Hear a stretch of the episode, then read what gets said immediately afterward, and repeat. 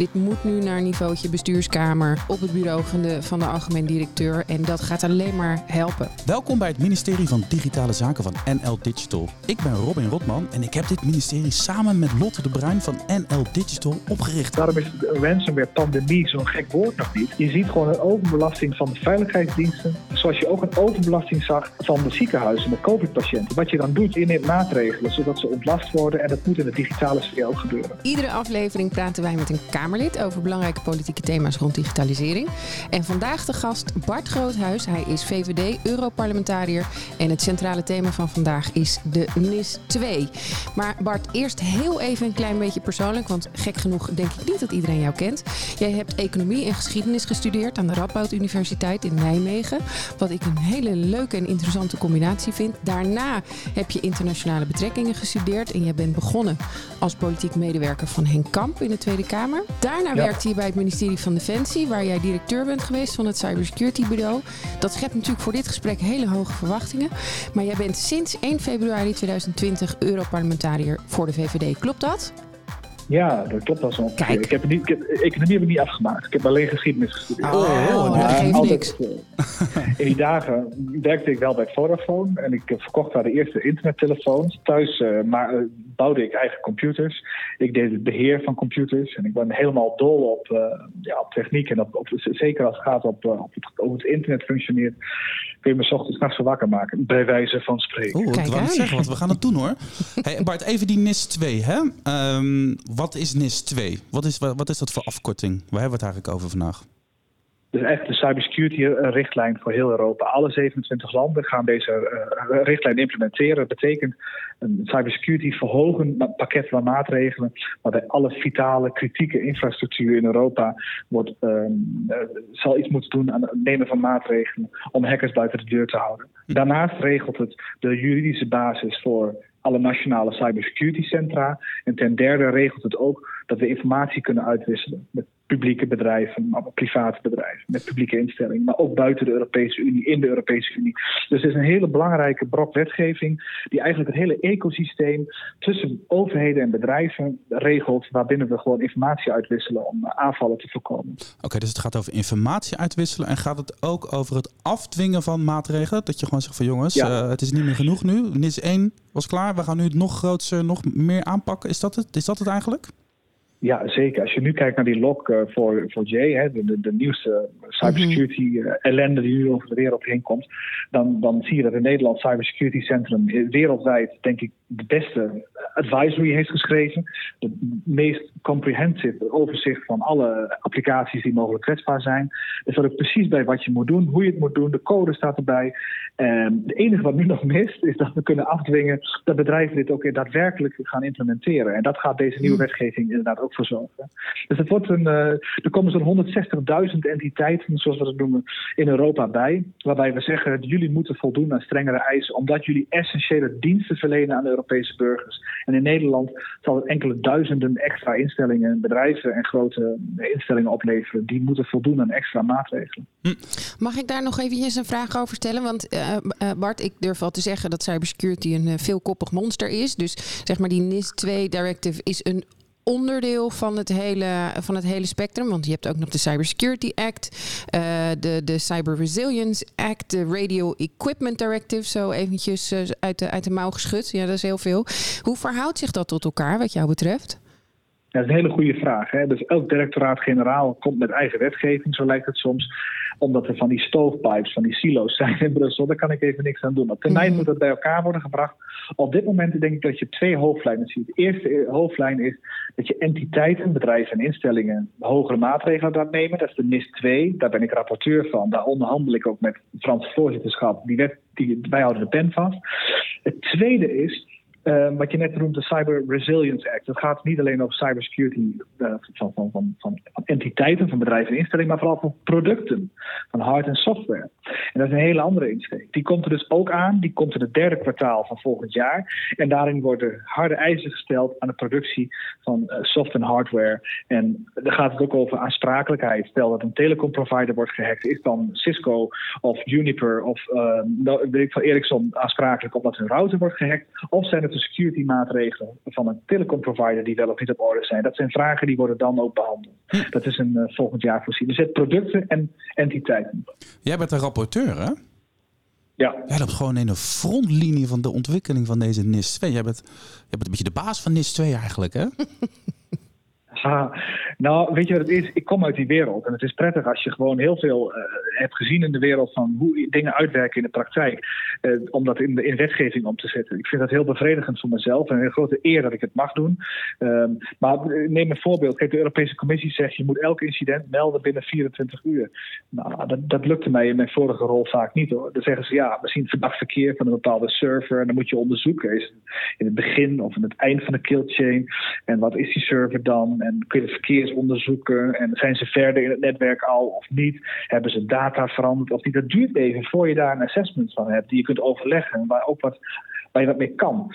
Dus 24 uur vond ik te snel. Dat heb ik opgerekt naar 72 uur. Maar kijk, als je, als je een ransomware aanval krijgt en je, je, je, je hele spul is buiten werking, zeg maar de availability van de, van de confidentiality en integrity en availability.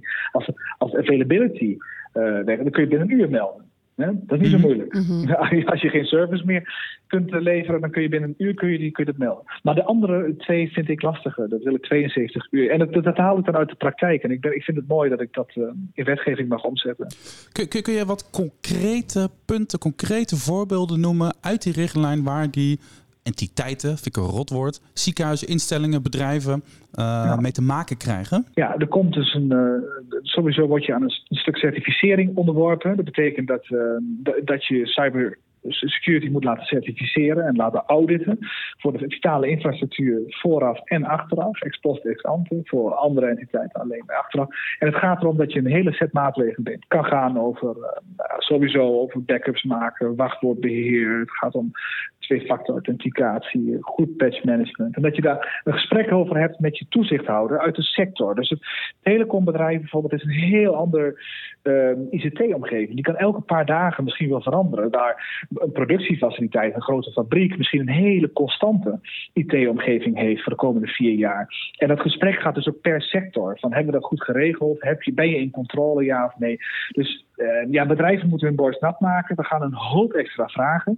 Um, maar dat komt ook omdat we zo'n 41% minder investeren dan onze uh, bedrijven en instellingen in Amerika. Da, da, da, daar wil ik het zo meteen eigenlijk nog even over, daar wil ik het zo nog even over hebben. Sorry dat ik je onderbreek. Ik wil eventjes weten, wat voor uh, effect heeft dit voor de digitale industrie in Nederland? Dus echt concreet voor de achterban van, uh, van Lot. Want dit gaat ook over bedrijven, dat gaat over ziekenhuizen. Maar de digitale industrie die zal dit voor een belangrijk deel voor de rekening moeten nemen om dit om de oplossingen te bedenken, of de technische oplossing, of die zullen misschien een rol moeten spelen in die certificering? Ja, de, de, vraag, de vraag voor elk bedrijf is: zit ik in scope of niet? En dat mhm. betekent, ben je onderdeel van deze wetgeving, dan uh, val je in, dan lever je essentiële of belangrijke wetgeving of uh, services voor Europese burgers. Daar, daar hebben we een, een, een, soort limitatieve lijst voor gemaakt. Daar vallen bijvoorbeeld ook uh, MSP's onder, hè? dus managed service providers, zoals, maar ook managed security service providers. Dus ook cybersecurity bedrijven bijvoorbeeld vallen daaronder. En het, die vallen daar sowieso onder als je meer dan 50 werknemers hebt en meer dan 10 miljoen euro per jaar omzet.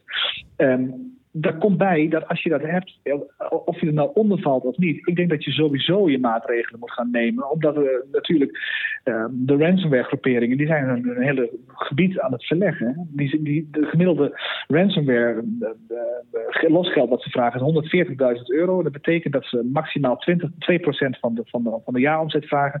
Dat betekent gewoon dat het MKB onderdeel is van de, van de targeting van die bedrijven. Wat zeg je nou, zijn, zijn, zijn de werkgebied dat verleggen? Komen ze deze kant op? Nou, ze zijn, er al. Er is een pandemie gaande. Kijk, ik denk dat je een verdubbeling in 2019 zag, hè, wat het Openbaar Ministerie naar buiten bracht. Uh, eh, FBI heeft gezegd in 2020 een verdrievoudiging in ransomware. Dit jaar alle veiligheidsdiensten zeggen dat er een nieuwe piek aankomt. En veiligheidsdiensten worden overbelast. Politie kan de aangiftes niet aan. En wat je met COVID zag, daarom is een ransomware-pandemie zo'n gek woord nog niet. Je ziet gewoon een overbelasting van de veiligheidsdiensten. Zoals je ook een overbelasting zag van de ziekenhuizen met COVID-patiënten. Wat je dan doet, je, maakt, je neemt maatregelen zodat ze ontlast worden. En dat moet in de digitale sfeer ook gebeuren. Hm. Even, ja, ik heb daar een, uh, een vraag over aan jou, Bart. En net zoals met de AVG is er ook een rol weggelegd voor brancheverenigingen om te helpen in die zeg maar, audit en, eh, en certificering. Zie jij dat ook voor, uh, voor deze wetgeving? Ja, Ja? Hele goede vraag, Lotte. Kijk, waar het om gaat is, ehm, sinds de AVG komt, iedereen is helemaal dol op de AVG, maar ik niet altijd. Ik kom oh. uit die cybersecurity wereld. En ik heb gezien hoe van, van een grote informatiedeling, ecosysteem, dat van, van de een op de andere dag naar bijna nul terugging. Er is een hele grote terughoudendheid eh, uit angst voor allerlei aansprakelijkheidsbepalingen mm. in de AVG, om geen informatie meer te delen, omdat er wel eens een persoonlijk persoonsgegeven in kan staan. Nou, wat wij gedaan hebben in deze wetgeving, is daar nog eens naar gekeken met alle beste juristen die ik in Brussel kon vinden, van de Raad, de Commissie en het parlement. En we hebben de juridische basis nog eens opnieuw opgeschreven. Van als je informatie hebt die je kunt delen uh, om anderen veilig te houden, dan zit er ook een zekere verplichting aan, een soort verantwoordelijkheid. De basis waarop je dat mag doen, hebben we ook nog eens opgeschreven, zodat het ook strikt duidelijk wordt voor iedereen dat de, informatie delen met de private sector onderling, maar ook met, met overheden, dat dat weer op gang komt. Dus ik hoop daar een, belangrijke bijdrage aan te hebben geleverd. Ja. Hey Bart, we hebben een leuke rubriek uh, meegenomen. Die heet oh, Als ik minister van Digitale Zaken was. En uh, we willen van al onze gasten weten wat zij zouden doen. En daarvoor heeft uh, Lotte een paar uh, vragen voor je meegenomen. Jazeker, dat zijn twee uh, zeg maar gesloten vragen en twee open vragen. Ik ga jou ook vragen om kort antwoord te geven. En als je wil kan je natuurlijk achteraf eventjes toelichten. Maar ik begin bij de gesloten vraag. En de eerste is, als ik minister van Digitale Zaken was... dan zou ik flink extra investeren in de aanpak van cybercrime. Ja, nou, dat is een no-brainer. Dan de tweede. Als ik minister van Digitale Zaken was, dan zou ik het mogelijk maken dat elke Nederlander zich gratis kan omscholen naar een digitaal beroep met toekomstperspectief. Ja, goeie. Ja, heel goed. Oh, dat is een ja. Oké, nou, dat eh, stemt mij gelukkig. Dan gaan we naar de open vragen. Wat hoop je als minister van Digitale Zaken dat digitalisering Nederland brengt in de komende tien jaar? Dit vraagt om visie. Ja, nou laten we eerst even zeggen, hier in Brussel zie ik eurocommissarissen, een stuk of 4, 5, die hebben digitalisering als prio 1, plus plus. En in Nederland spreken we over één minister van Digitale Zaken. Maar dat lijkt mij niet verstandig. Het lijkt mij verstandig dat meerdere ministers... Oh. nou, eh, het lijkt mij verstandig dat meerdere ministers dat als prio 1 krijgen. Oké, okay, wacht even, wacht even. Ik, dit snap, ik hoor je, het ga je even onderbreken. Wat ik wil weten deze vraag gaat erover, wat hoop je dat digitalisering Nederland brengt de komende tien jaar? Ja. Dus wat denk je, wat, waar zie je kansen? Waar gaan we, gaan we ziektes oplossen? Gaan we mobiliteit regelen? Wat gaan we doen met die digitalisering? Ja, maar daar, kom ik op. Hè. Dus als je straks, net als in Brussel, vijf ministers hebt van digitale zaken, dan is het chefzaggen overal. Dus dan gaat het over de zorg, de energiesector. Het maakt niet meer uit. Alles wordt digitaal. En um, kijk, dat je Nederland voorop wil laten lopen, dat snap ik. Hè? Maar dat heeft dan vooral te maken met vestigingsklimaat en met goede bedrijven die je hier uh, weet te krijgen, die hier uh, zich, zich, vrij, zich, zich, prettig voelen. Daar hoop ik op. Dat zou ik het belangrijkste vinden. Oké, okay, hoe gaan digitalisering dan de wereld een beetje mooier maken? Wat concreet gaan we ziektes oplossen? Wat gaan we, ik wil het horen. Wat, hoe gaan we het inzetten? Nou, er is, er is bijna geen probleem in de wereld waar digitalisering geen oplossing voor is. Hè. Maar je kunt het ook overdrijven. Het is ook niet zo dat je moet zeggen, nou, we gaan elke verkeersovertreding beboeten omdat we dat digitaal kunnen waarnemen. Zo'n staat wil ik niet wonen. Ah. Ik wil ook niet in een soort van surveillance staat wonen. Dus er moet een goede balans zijn. Maar het is wel zo dat digitalisering, als je daar echt uh, prio van maakt zoals ze in Estland doen, ja, dan snap ik wel dat je op een gegeven moment een soort comparatief voordeel krijgt als land. Dat is echt mhm. belangrijk. Dan is de, de laatste open vraag, die sluit hier wel een beetje op aan. Van welke ontwikkeling in digitale technologie word jij als minister van Digitale Zaken ontzettend blij? En, en jij, hè, dat bedoelen we echt gewoon even jij persoonlijk. Waar, waar word jij nou heel erg blij van?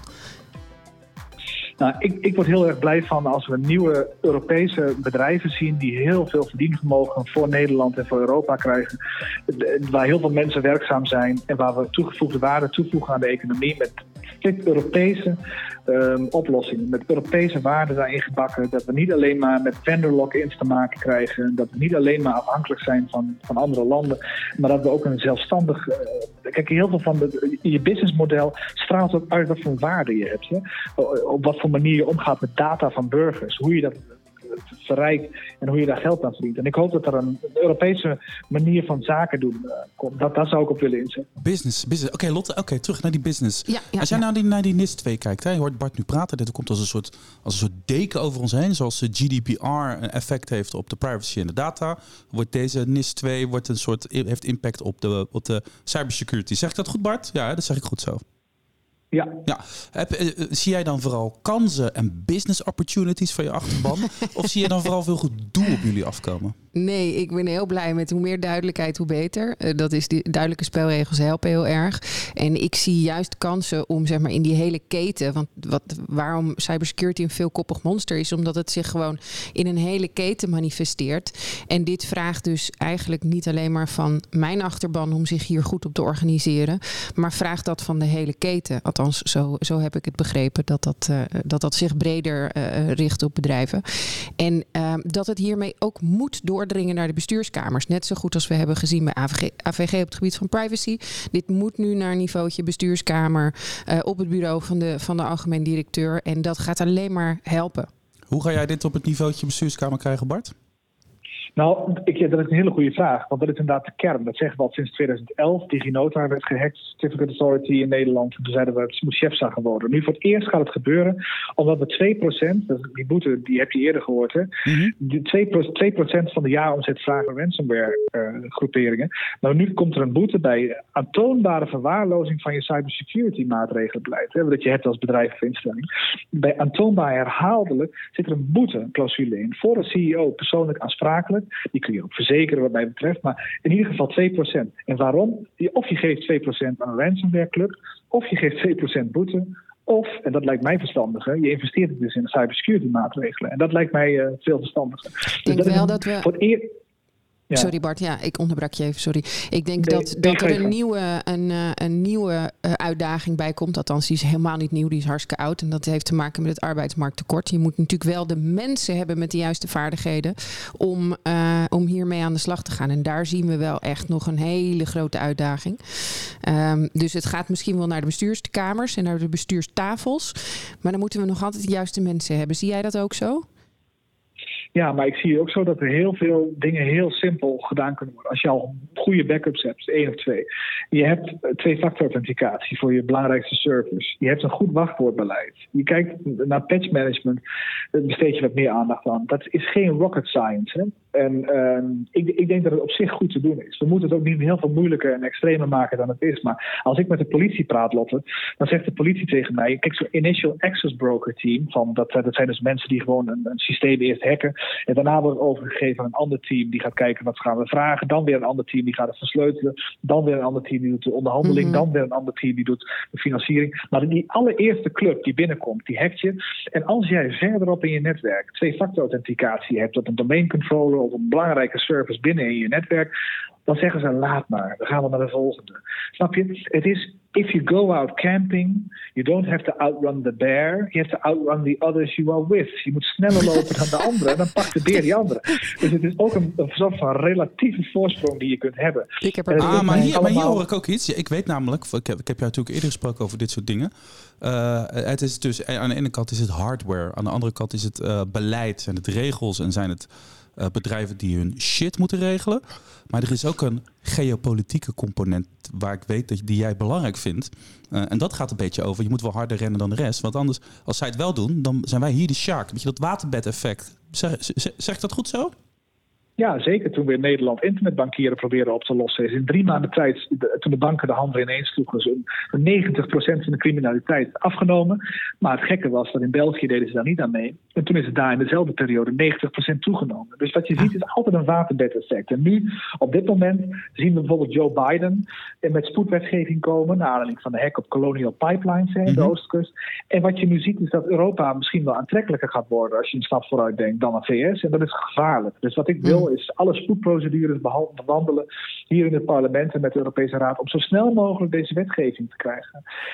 Maar als, als, onze, als, onze, politici naar andere landen gaan of, naar, uh, of in Rusland komen of wherever, uh, heb je dan de indruk dat die, die ransomware en de cybersecurity dat dat, dat, dat meegenomen wordt? Of, of is dat toch nog steeds een beetje bijzaak? Dat is echt heel krankzinnig. Kijk, ik denk degene die het goed begrijpt is Joe Biden. Die, uh, de leider van het Vrije Westen, spreekt met Vladimir Poetin. Spreekt zo'n uh, drie uur lang. Uh, vorige keer ook. En heeft hij zo'n drie uur lang 16 redlines gecommuniceerd als het gaat om ransomware. Want iedereen weet dat die ransomware masterminds in Rusland zitten. De code in de ransomware van Colonial Pipelines, die luiden, er zit er een Amerikaans toetsenbord aan vast. Dan hoeft die malware, waarmee het gehackt werd, niet live te gaan. Dus dat betekent dat ze niet, er is een afspraak tussen de mensen die de code maken, de malware maken, en het Kremlin. Het glas helder. En maar dan zegt hij ook Poetin, pak ze aan, de boeven. Ik wil dat je ze aanpakt. Ja, maar, ja. ja is een wet, het is een verlengstuk van het buitenlandbeleid van het Kremlin om onze economische structuur te verzwakken. En ik vind dat je als uh, Europese uh, conglomeraat van een machtige institutie dat aan de orde moet stellen, aan de kaart mhm. moet stellen. Dus dat betekent von der Leyen moet het als, ook als chefzaken gaan zien. En Charles Michel ook. En elk contact met de Russen moet je, ik denk, op lidstaatniveau ook doen. Onze Nederlandse minister van Buitenlandse Zaken moet met de Russen praten en zeggen van dit gaat je kosten. Want als je geen kosten communiceert in actie, is alleen maar een beloning voor het businessmodel wat ze hebben. En dat, daar ben ik ook nog heel even een vraag. Hè? Misschien ben ik een beetje naïef, eh, maar hoe, hoe weet jij wat daar wordt besproken? Hoe weet jij dat Joe Biden dit bespreekt en bijvoorbeeld de Europese leiders het niet bespreken? Dit is een communiqué dat is naar buiten gebracht door het Witte Huis, waarin zo'n 16 redlines uh, zijn gecommuniceerd met, uh, met uh, Poetin. In een gesprek dat twee uur en drie kwartier duurde. Afgelopen week is opnieuw gesproken, heb je gezien, op het nieuws over mm. de spanning in de Oekraïne. En wat zegt het Witte Huis? Oh ja, er is 2,5 uur gesproken, waarvan ook ruim een half uur over cyber. En dat zijn dingen, daar, daar hou ik wel van. Het gaat eens een keer niet over nucleaire wapens, maar het gaat over eh, nieuwe nationale veiligheidsrisico ransomware, wat gewoon een instrument is van het Kremlin. En dat moet je ook als zodanig beschouwen. Je moet de kosten verhogen. En ik ben er zat van dat een paar van die Russische clubjes daar zo de boel verzieken hier. En dat, kan, dat, kunnen we niet accepteren. En ik denk dat dat element van deze dreiging volstrekt onvoldoende wordt belicht. Ik weet dat je zo moet gaan eh, stemmen, Bart. Dus we hebben nog eventjes een vraag uit de achterban van Lotte. We hebben nog een paar minuutjes. Dus uh, Lotte, even snel, wie, ja, wie heb je meegenomen? Zeker. Ik heb de vraag van Peter Zeilema meegenomen. Hij is general manager van IBM Benelux en uh, Country General Manager IBM Nederland. Het is belangrijk om die hele titel uit te spreken. Peter is ook bestuurslid bij NL Digital en zijn vraag is: welke trends en ontwikkelingen in toepassing van kunstmatige intelligentie ziet u voor cybersecurity over de Europese grenzen heen en wat zal daarvan het effect zijn? Dus de bijdrage van AI op cybersecurity eigenlijk. Oké. Nou Bart, vertel. AI is zowel heel scary, omdat je dus zelfstandig denkende malware krijgt. Maar het is natuurlijk ook heel erg kansrijk en potentieel als je het gebruikt ter verdediging. En beide moet je inzetten, denk ik. bovendien denk ik, als we kijken naar uh, meneer van IBM. Hè, ik denk dat je in. in, in um, het, het, vervelende vind ik wel in heel Europa, als je AI-applicaties uh, probeert te ontwikkelen, dan kun je eigenlijk niet rondom drie of vier grote Amerikaanse vendors heen. Er zijn mm -hmm. geen Europese alternatieven. En ik vind ook heel gek dat het. Ja, dat, dat, dat zo weinig uh, aandacht voor is. Ik denk dat het Franse voorzitterschap daar veel aandacht uh, naar gaat krijgen. Dat er ook Europese alternatieven ontstaan. Ik zelf ben daar uh, wel voorzichtig in, omdat ik ook denk dat het snel protectionistisch is. En ik wil ook geen economische groei inleveren, omdat we zo nodig Europees moeten of zo. Ik ben heel erg transatlantisch en Amerikaans gericht.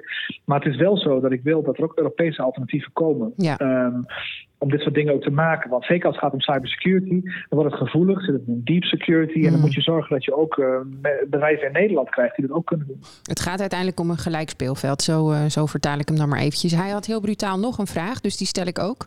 Kunt u voorbeelden noemen van positieve stimulansen die in Europa zijn ontwikkeld en breder binnen Europa kunnen worden toegepast? Dus zijn er nog een soort uh, niet, positieve stimulansen die in Europa zijn ontwikkeld? Ja, ik denk uh, de beste stimulans als het gaat om cybersecurity, die moet komen van de markt en die moet komen van verzekeraars. En dat heeft te maken met als je een verzekeraar hebt die is van een hele geringe risk appetite.